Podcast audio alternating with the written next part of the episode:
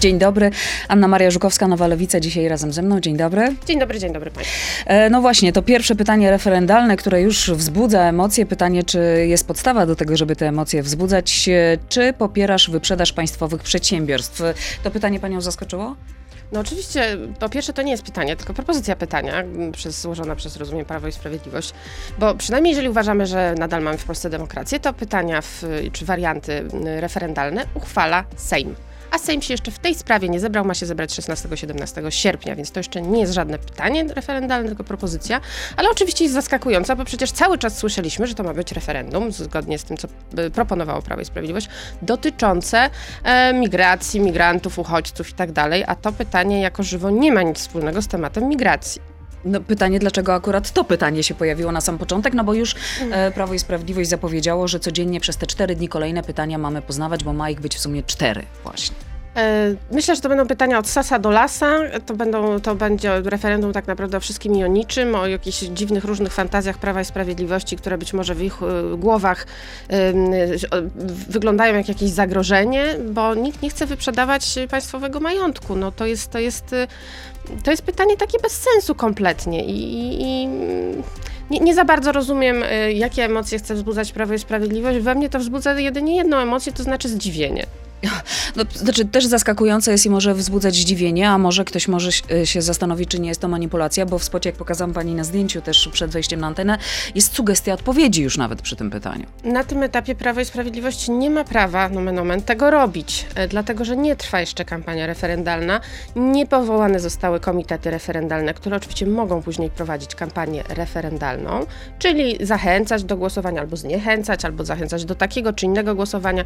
To można robić, ale dopiero po ogłoszeniu referendum i po zarejestrowaniu komitetów referendalnych. Prawo i Sprawiedliwość po raz kolejny łamie przepisy, stawia się ponad prawem, uważa, że wszystko w Polsce może i że nikogo nie musi się pytać o, z- o zdanie, ani o zgodę. Sam pomysł referendum to dobry pomysł, jeżeli chodzi o połączenie z wyborami? Nie, oczywiście, że to nie jest dobry pomysł. To jest pomysł tylko i wyłącznie na potrzeby wyborcze Prawa i Sprawiedliwości, który liczy, że nakręci tym jakieś emocje, które spowodują, że więcej ludzi pójdzie do wyborów oraz zagłosuje na Prawo i Sprawiedliwość. To nie jest tak, że, że Prawo i Sprawiedliwość chce się czegoś dowiedzieć w tym referendum, coś, czego byśmy nie wiedzieli o Polsce, o Polakach, że to jest jakieś wielkie badanie socjologiczne.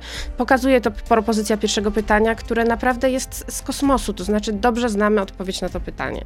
Y, W sensie, jak, jak Pol Polki i Polacy by zdecydowali. Więc e, to jest tylko i wyłącznie mm, ominięcie przepisów, bo y, przepisy o mm, referendum mówią, że można prowadzić kampanię właśnie referendalną, wydać na to osobne pieniądze, dodatkowe pieniądze, czyli na przykład Prawo i Sprawiedliwość sobie jedną ścieżką wydaje pieniądze na kampanię wyborczą, na spoty wyborcze, a drugą na kampanię referendalną, która notabene moim zdaniem będzie identyczna i wizualnie, i, i, i, i, w narracji do tej kampanii swojej wyborczej, że to będzie nie do odróżnienia praktycznie, tylko małe literki będą zaznaczały, że to jest komitet referendalny, a nie wyborczy, po to, żeby móc wyciągnąć dodatkowe pieniądze, które są poza limitem kampanijnym, wydać je i, po prostu no, w ten sposób walczyć o głosy e, wyborców, ale to pokazuje, że Prawo i Sprawiedliwość się boi, boi się strasznie tych wyborów, bo jeżeli musi się uciekać do takich sztuczek, to znaczy, że Jarosław Kaczyński nie jest pewny wyniku Prawa i Sprawiedliwości, skoro musi tutaj się saportować jeszcze referendum.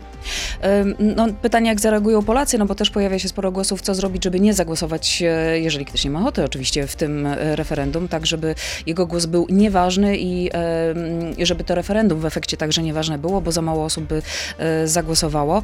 E, Zostawiając ten wątek, bo na pewno sobie do niego jeszcze wrócimy, dlaczego Lewica tak bardzo nie lubi Romana Giertycha? E, Myślę, że nie tylko lewica, bo gdyby był tak bardzo lubiany, jak wszyscy deklarują, e, to by go ktoś zgłosił do paktu senackiego, a tego nie zrobił. Więc e, należy sobie zadać pytanie, dlaczego? No jeżeli miałabym odpowiedzieć na to pytanie, bo oczywiście no, podejrzewam, że Państwo się domyślają, że nie lewica mogłaby go zgłosić w ogóle. No ale nie zgłosiła go ani Polska 2050, ani Platforma Obywatelska. Myślę, że dlatego, że musiałaby wtedy któraś z tych formacji wziąć odpowiedzialność za jego przyszłe potencjalne głosowania, na przykład w sprawie a, związków partnerskich, w sprawie prawa do przerywania ciąży. I żadna z tych formacji najwyraźniej nie chciała wziąć tej odpowiedzialności, bo wbrew deklaracjom Romana Giertycha, on się aż tak bardzo nie zmienił. Sam powiedział, że w sprawach światopoglądowych, on to tak nazywa, ja nie lubię tego określenia, mówię raczej o prawach człowieka, em, nie zmienił poglądów. Nadal się naśmiewa z, z, z gejów, z Roberta Biedronia i Krzysztofa Śmiszka. Mm, nadal uważa, że e, jeżeli gdzieś zaostrzono w Teksasie prawo aborcyjne, to to jest krok w dobrą stronę, a nie w złą. Więc y, no, to, to nie jest kwestia sympatii i antypatii, tylko po prostu tego, jakie ma poglądy i jakie byśmy chcieli my jako lewica, żeby były w Sejmie reprezentowane. Um, pozwolę sobie zacytować Romana Giertycha. Um, nie przeszkadzają im ludzie, którzy jeszcze niedawno byli w PiS, nie przeszkadzają im ci, którzy głosowali nad ustawami jawnie antykonstytucyjnymi razem z PiS, nie przeszkadzali im ci, którzy legitymizowali złodziejstwo i grabież, przeszkadzam im ja. E, no, chyba fakty, faktycznie pan Roman Giertych nie był w PiS, ale z tego co pamiętam, był w rządzie PiS.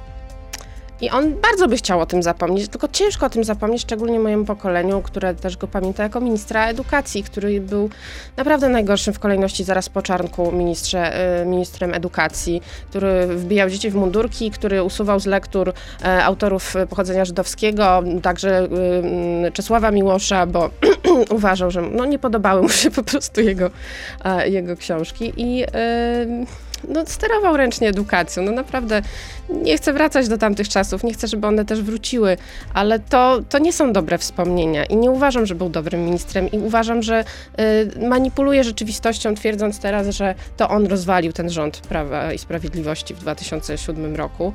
E, bo głosowania wskazują co innego. On się wstrzymał przed rozwiązaniem Sejmu, przed przyspieszonymi wyborami.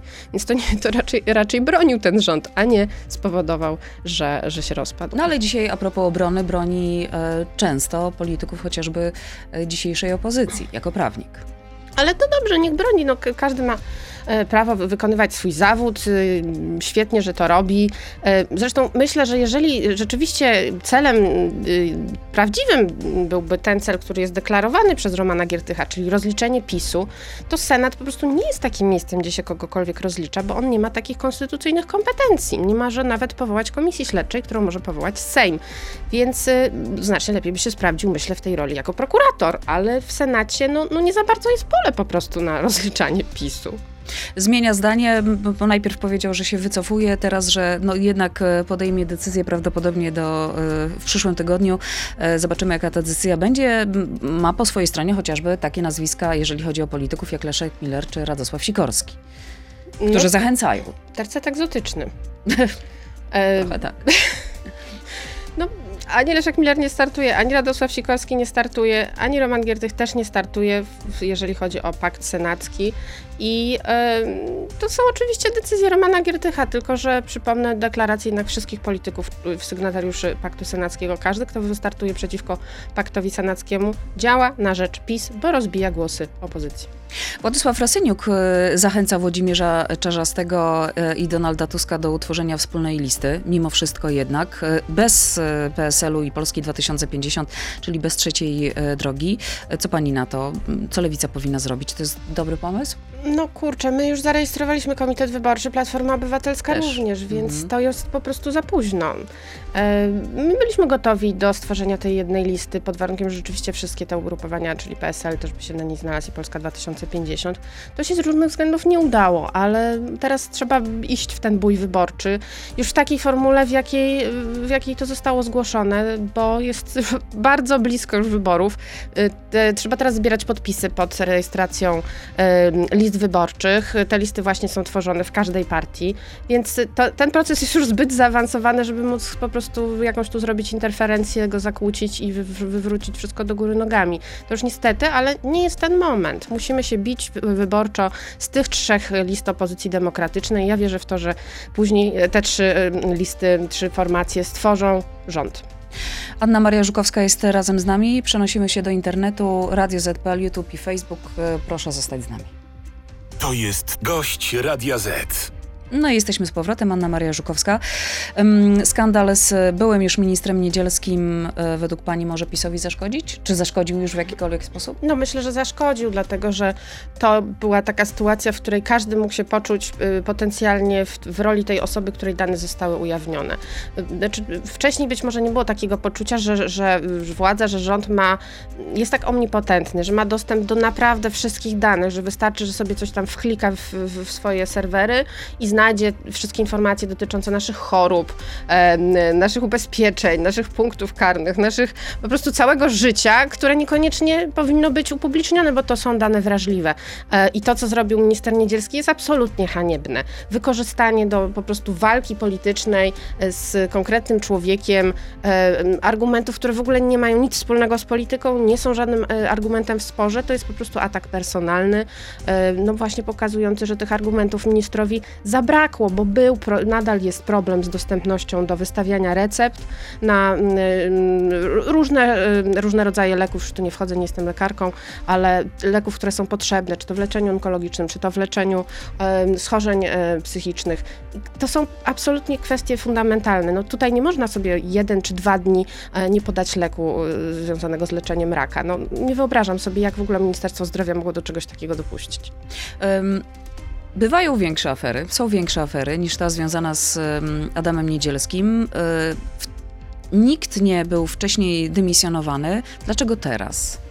Wybory. I zresztą powiedział to chyba chlapnął w jakimś wywiadzie Jarosław Kaczyński, że a gdyby to, że teraz zdymisjonował go, bo jest y, okres wyborczy. Czym zasugerował, że gdyby to nie był okres wyborczy, to by się jakoś uklepało. Ale premier Morawiecki, e, mówiąc o zmianie, no też powiedział, że to jest taki wyjątkowy czas, że są wybory. Tak, i... czyli gdyby nie było mhm. wyborów, to minister Niedzielski ocaliłby swój stołek e, i by został obroniony, tak jak zawsze to robi Prawo i Sprawiedliwość we wszystkich wotach nieufności. Obronili Błaszczaka, obronili Macierewicza, e, obronili, obronili Ziobrę, obronili, obroniliby każdego, y, również Niedzielskiego, y, bo po prostu mają taką filozofię, że niezależnie ile kto nabroił, to, y, to nie, należy go, nie należy go dymisjonować, bo to jest pokazanie słabości. Ale teraz są wybory i widocznie tutaj ten wyjątek nastąpił.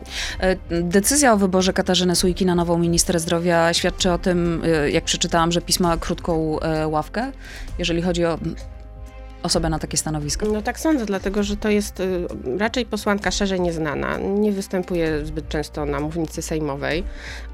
no ale jak już wchodzi, to konkretnie mówi.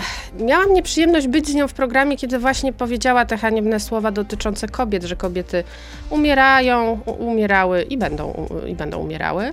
E, co pokazuje absolutny brak empatii i to jest straszne akurat w przypadku ministra zdrowia, żeby lekarza, lekarza żeby, żeby sobie tak e, zupełnie z dezynwolturą i e, bez nawet sekundy pochylenia się nad problemem, bo to problem dotyczył, przypomnijmy, kobiet w ciąży, które umierają w szpitalach, dlatego że zbyt późno jest im udzielana pomoc, zbyt późno jest ratowane ich życie z powodu efektu mrożącego ustawy zaostrzającej prawo do przerywania ciąży. I y, w tej sytuacji, czyli ona mówi o kobietach ciężarnych, które umierają w szpitalach, y, i mówi, że po prostu to kobiety sobie zawsze umierały i to nie jest problem. Y, czyli według pani nowa minister nie stoi i nie stanie po stronie kobiet? Nie. słuchając takich wypowiedzi? Nie, nie ma w sobie cienia mm, współczucia ani, ani rozumienia sytuacji. To jest przerażające, że ona nie rozumie tej sytuacji, dlaczego właśnie te kobiety umierają w szpitalach, te będące w ciąży, e, w, których no, płód obumrze, zaczyna się stan zapalny i nikt ich nie ratuje, bo się boją, że będą oskarżeni o, o dokonanie zabiegu przerwania ciąży. E, a głosy kobiet, e, zresztą coraz częściej to się pojawia w komentarzach, mogą być przełomowe w tych wyborach, bo kto przekona na kobiety, ten wygra wybory. Takie zdanie gdzieś przeczytałam. Zgadza się z tym pani? Mm, zgadzam się i będziemy przekonywać. Myślę, że mamy duży potencjał na to przekonywanie. Nasza kampania będzie na pewno się skupiała w znacznej mierze na problemach y, kobiet, nie tylko tych dotyczących praw reprodukcyjnych, bo to są rzeczy związane z rynkiem płacy, z wysokością płacy, z tym, że kobiety związkowczynie są zwalniane, zastraszane. To się musi zmienić. Mamy tutaj propozycje. My już miałyśmy jedną konwencję dotyczącą praw kobiet w, w, w, czerwcu prezentowałyśmy my jako polityczki lewicy nasze postulaty, nasze pomysły, e, nasze propozycje dla kobiet. Powtórzymy to jeszcze na pewno we wrześniu.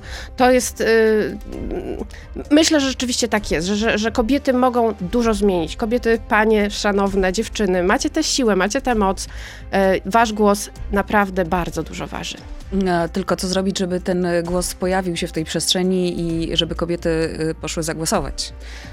Myślę, że, to, no, to, wychodzi nam też z badań. Dużo kobiet jest zniechęconych do polityki, jest tak zmęczonych tym wszystkim, że, że to już tyle trwa, ta walka właśnie o prawa kobiet, że, że, że, po, że pojawiają się głosy takie jak obecnej pani minister, lekceważące zupełnie kobiety, że no, są zdemotywowane, więc myślę, że kluczem jest takie przywrócenie poczucia mocy i sprawczości kobietom.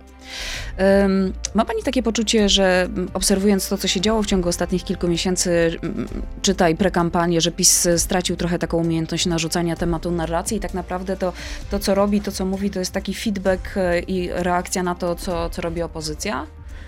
No, myślę, że Prawo i Sprawiedliwość jakoś e, strasznie się wytarło, tak zmatowiało, bo wymyślają takie pomysły, które nie wiem, może u nich w sztabie tam uchodzą za jakieś rewelacyjne, ale y, skupianie się w kampanii y, na panu Weberze, szerzej nieznanym jednak myślę, wydaje mi się państwu też radiosłuchaczom, y, jest jakimś absurdem. No, nie, nie rozumiem, znaczy to jest próba y, stworzenia jakiejś rzeczywistości, w której oni funkcjonują, ale to nie jest tak, że wszyscy Polacy tym żyją, że wszyscy ro rozumieją te ich lęki przed Niemcami, e, przed, y, nie wiem, przed, przed tak, jak to było, wykupem tak, e, polskiego majątku. To są rzeczy, Wyprzedaż które... państwowych przedsiębiorstw, tak. tak. To są rzeczy, które są w ich głowach i oni ma, to projektują na całe społeczeństwo. I nie wydaje mi się jednak, że to są problemy, którymi żyją Polki i Polacy obecnie, bo raczej jak wyjdę teraz ze studia i gdzieś pójdę do sklepu, to ludzie będą narzekać na inflację i na ceny, a nie na Maxa Webera. To jeśli w ogóle takie referendum, to jakie tam pytania powinny się pojawić? Nie, w ogóle się nie powinny pojawić, nie powinno być referendum, referendum. w trakcie wyborów. Mhm. Tak uważam. E, I, i, I, nie będę się wypowiadać na temat pytań w związku z tym.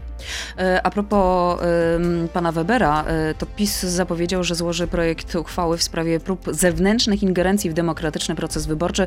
Tak by projekt był procedowany na jeszcze najbliższym posiedzeniu Sejmu. No to jest właśnie w kontekście wypowiedzi pana Webera. Czy to jest dobry pomysł?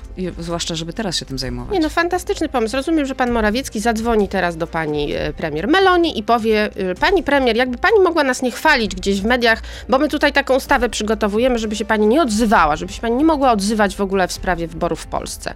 No, bo to, to no rozumiem, no właśnie, że, że w, w, uznać... w mózgu po prostu ludzi, którzy to wymyślili, to e, by było tylko zakazanie, nie wiem, chwalenia opozycji, ale już jeżeli ktoś by z polityków zagranicznych powiedział, Prawo i Sprawiedliwość to jest fantastyczna partia, dobrze, żeby w Polsce rządziła, to już nie, to już nie będzie podlegało tej ustawie i już po prostu y, można będzie to robić. No pytanie, co uznać właśnie ingerencją kompletna. w demokratyczny proces wyborczy?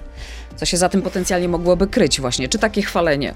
By, by, się kryło to, co Prawo i Sprawiedliwość by uznało, że się kryje, czyli właśnie jakby ktoś pochwalił opozycję i powiedział, lewica w Polsce jest fantastyczna, to by podlegało tej ustawie, a jakby powiedział, że PiS jest y, cudowny, to już by nie podlegało tej ustawie. Um, nie brakuje też głosów, że to będą najważniejsze wybory po 89 roku, ale też najbardziej nierówne, no bo PiS, jak wszyscy wiemy, ma po swojej stronie media państwowe, także różnego rodzaju instytucje. Ma pani takie poczucie, że na początku już walki to nie jest tak, że macie równe szanse? Nie mamy tych równych szans, bo nie mamy y, takiego wsparcia machiny propagandowej, bo inaczej się tego nie da nazwać, jak media publiczne, w których jeżeli się pojawia cokolwiek o y, opozycji, to tylko w kontekście złym. Nigdy, ale to nigdy nie pojawia się jakaś ustawa, która została zaproponowana przez tę, tę czy inną partię opozycyjną. Mm, wywiady zawsze są skrojone w ten sposób, że pytania są pod tezę, pod negatywną tezę dotyczącą akurat opozycji, albo, nie wiem, próba wymuszenia, żeby rząd pochwalić, ale i tak trzeba być w tych mediach, dlatego że niestety, ale nadal w, w dużych częściach kraju ludzie oglądają głównie te media, bo nie mają dostępu do innych. E, I w ogóle media publiczne są potrzebne w każdym kraju, ale chciałabym, żeby one bardziej wyglądały jak BBC, a nie jak TVP. I mam nadzieję, że to się zmieni, że też zmieni się sposób wyłaniania władz tych mediów e, i że nadzór nad nimi będzie też w jakiś sposób dzielony z organizacjami e, obywatelskimi, tak jak to jest w propozycji tak zwanego paktu dla mediów, e, gdzie, który też jako partia opozycyjna wszyscy podpisaliśmy, pakt dla mediów publicznych, tam są propozycje ustawowe rozwiązań, które no, miałyby odpolitycznić, wiadomo, że się nie da w 100%, też się nie oszukujmy, jakiś nadzór państwa nad tymi mediami jest, ale w, na przykład w Wielkiej Brytanii. Ale, um, ale to nie może być machina propagandowa po prostu rządu. No. Niech sobie rząd założy swoją telewizję. Um, czy obywatelska kontrola wyborów według Pani jest e, niezbędna? E, jest, będzie pomocna. Na pewno jest dodatkowym takim bezpiecznikiem, który, który może nam tutaj y, czuwać nad, nad przeprowadzeniem tych wyborów. Chociaż y, tak czy owak członkowie i członkinie komisji będą zgłaszani, są zgłaszani przez ugrupowania opozycyjne. My zgłosimy na pewno kilka, y, kilkanaście, może mam nadzieję, że nawet więcej y, tysięcy członków i członkiń komisji wyborczych, także y, mężów zaufania, po to, żeby mieć y, nadzór nad tym procesem liczenia głosu. Znaczy wiedzieć, czy, czy nie będą tam dokonywane żadne żadne e, oszustwa. E, to jest tak, że te, w tej chwili komisja cała musi mm, nad każdym głosem się pochylić. Każdy, mhm. każdy głos jest zliczany nie przez jedną osobę, tylko przez wszystkich członków komisji. W, w, związku z tym wyłącznie z tym członkiem, członkinią, który będzie zgłoszony przez y, y, któreś z ugrupowań opozycji. I jesteśmy w tym, w tym y, rozwiązaniu, które zaproponował KOD. Zgłasza się dużo osób właśnie do, tego, do tej kontroli wyborów bo to polega na tym, żeby jeszcze później e, wpisać te, te głosy do systemu który, informatycznego, który został przez kod przygotowany e, i te głosy będą się w sposób no, symultaniczny z liczeniem przez PKW zliczać w tym, w tym systemie internetowym, e, informatycznym i wtedy mam nadzieję, że będziemy w stanie zweryfikować, czy gdzieś nie, nie, nie, nie pozamieniały się te głosy.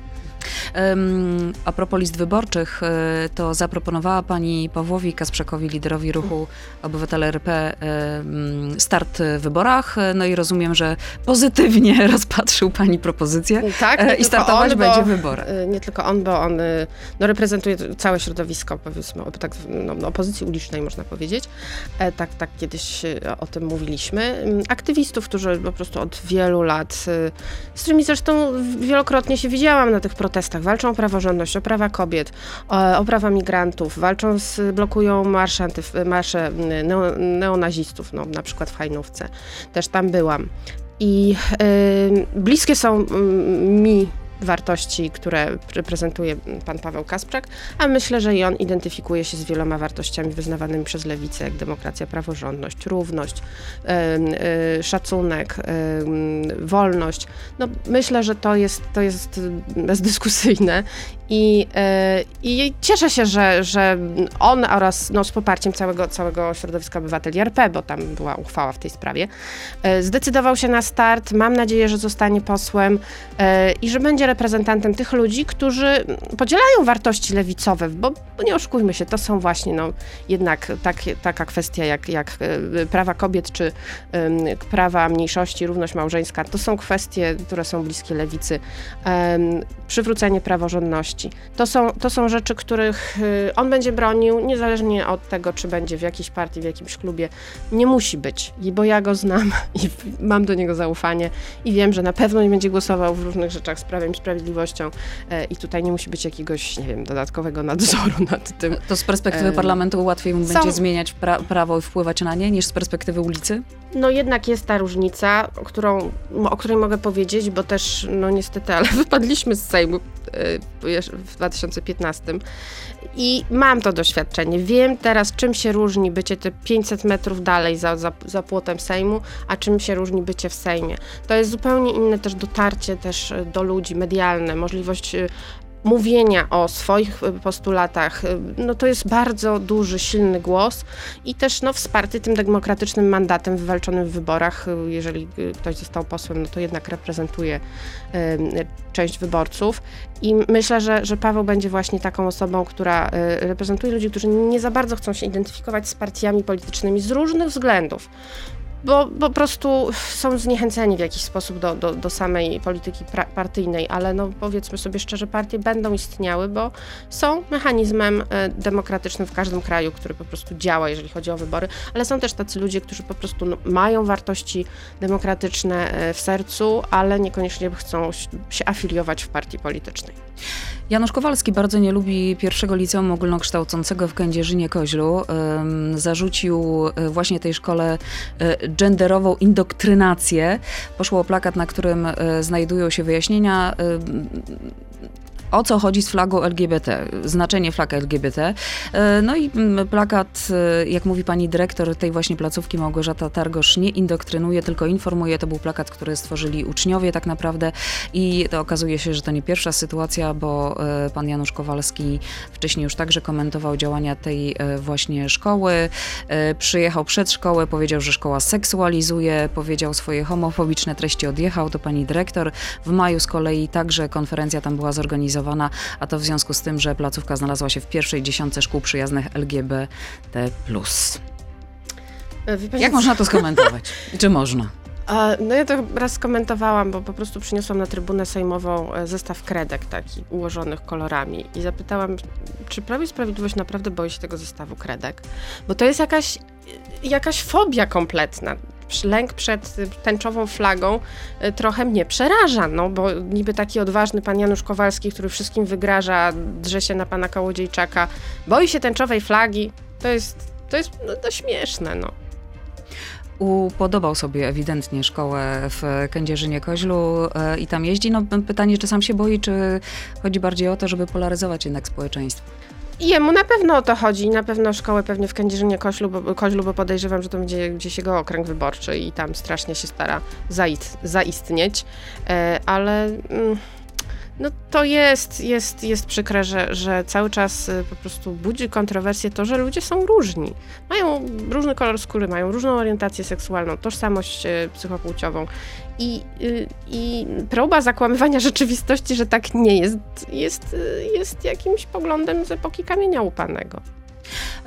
Trzecia droga, jeszcze przez chwilę chciałabym o niej porozmawiać.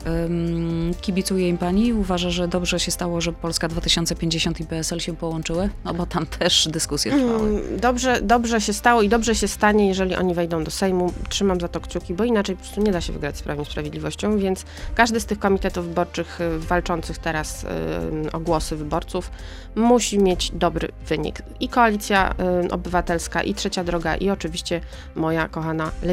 Musimy po prostu zmobilizować wyborców i wyborczynie do głosowania, więc liczę na to, że ze swojej strony oczywiście y, Trzecia Droga zrobi wszystko, co w jej mocy, żeby, żeby wejść do Sejmu, żeby, mm, żeby udało się po prostu pokonać Prawo i Sprawiedliwość. A na jaki e, odsetek, na ile procent liczycie jako Nowa Lewica?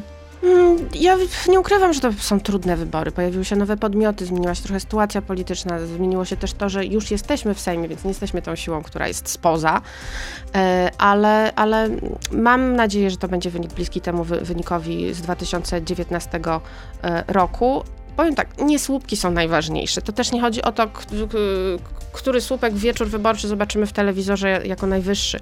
Chodzi o to, ile mandatów każdy z ugrupowań opozycyjnych weźmie. Jeżeli to będzie 231 mandatów, to jesteśmy w domu. Jesteśmy to słupki wygrani. też są bardzo ważne. No nieważne, czy faktycznie koalicja obywatelska będzie na miejscu pierwszym czy na drugim, ale słupki mają znaczenie. Mają, to to mają robimy. też dla ludzi psychologiczne znaczenie. Ja sobie zdaję z tego sprawę, ale to naprawdę tak nie, nie, nie jest, że, że ten słupek jest najważniejszy najważniejszy, bo y, w sumie po prostu te wszystkie te trzy słupki mogą dać zwycięstwo, y, które będzie naprawdę trudnym zwycięstwem. Ja sobie zdaję sprawę i my wszyscy jesteśmy zdeterminowani i wiem, że inne ugrupowania też są zdeterminowane, e, żeby wygrać z Prawem i Sprawiedliwością. Robimy wszystko, co w naszej mocy, żeby wyborcy, którzy mają poglądy lewicowe, socjaldemokratyczne, dotyczące praw człowieka, mieli, mieli na kogo głosować, mieli tych kandydatów i kandydatki jak najbardziej fantastycznych fantastycznych e, i będziemy zachęcać oczywiście do głosowania na lewicę, ale e, wiemy, że są ludzie o różnych poglądach, mówiłam już o różnych kolorach skóry. Oczywiście, że nie wszyscy mamy są poglądy tacy, takie same. popierają Konfederację.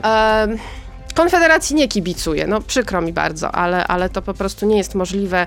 E, absolutnie z drugiego bieguna poglądy oraz też wypowiedzi i styl tych wypowiedzi e, przerażają mnie i nie chciałabym, żeby Konfederacja była jakąkolwiek znaczącą siłą polityczną. Zresztą e, a propos Konfederacji, mm, pozwolę sobie, bo okazuje się, że dzisiaj kolejny rekord, jeżeli chodzi o liczbę pytań, jakie padły od naszych słuchaczy do pani. Nie zdążymy wszystkich zadać, bo było ich około 100, więc musiałobyśmy tu kilka godzin spędzić, ale ale w kontekście Konfederacji, czy Lewica ma jakiś plan na prowadzenie kampanii wyborczej oprócz atakowania Mencena i Konfederacji właśnie? Ale to, to oczywiście, że tak. No to, to atakowanie Mencena jest, tak, jest takim samym, można powiedzieć, działaniem internetowym, jak Mencen atakujący lewicę, więc to jest nic nadzwyczajnego. Oczywiście, że y, naszym głównym celem jest przedstawianie pomysłów y, y, na rządzenie i to robimy. Będzie teraz konwencja 19, em, 19 sierpnia, następna 26 sierpnia w Częstochowie, później inauguracja taka duża, y, duża, duże wydarzenie kampanijne 2 września, gdzie przedstawimy naprawdę bardzo szeroki pakiet y, propozycji wyborczych. Oczywiście to są propozycje, o których mówiliśmy w trakcie bycia w Sejmie, składaliśmy ustawy w tej sprawie, mamy je gotowe, więc jesteśmy przygotowani do rządzenia i to jest naszym głównym celem, a tam oczywiście są jakieś śmieszki w internecie, to są so- social media i, i to każde social media w ten sposób żyją. E, Szykują się spore roszady na listach wyborczych. To kolejne pytanie i to wśród osób niezwiązanych z danym okręgiem. Dlaczego na przykład w Pomorskim nie ma związanej od lat Janny Senyszyn, mimo że mogłaby startować osobiste wersje ważniejsze niż interesy wyborców? Dlatego, że nie została zgłoszona przez partię polityczną, która z nami startuje, czyli Polską Partię Socjalistyczną. Dlatego nie startuje. Czy ym, posłowie lewicy to hipokryci? Oburzacie się na Niedzielskiego za udzielanie informacji wrażliwych, a sami chcieliście za pomocą paszportów covidowych, by wszyscy polscy obywatele udzielali obcym osobom informacji na temat tego, czy zostali zaszczepieni. Mm, Tak, bo byliśmy w pandemii i y, było to istotne dla zatrzymania, ym, zatrzymania tej y, choroby, tego COVID-19. To, mm, ja wiem, że to na pewno jest pytanie od sympatyka Konfederacji, ale nie, nie widzę tutaj sprzeczności. Są, są sytuacje w życiu i na świecie, które są ekstraordynaryjne. Pandemia była taką sytuacją. Czy biologiczny mężczyzna może urodzić dziecko?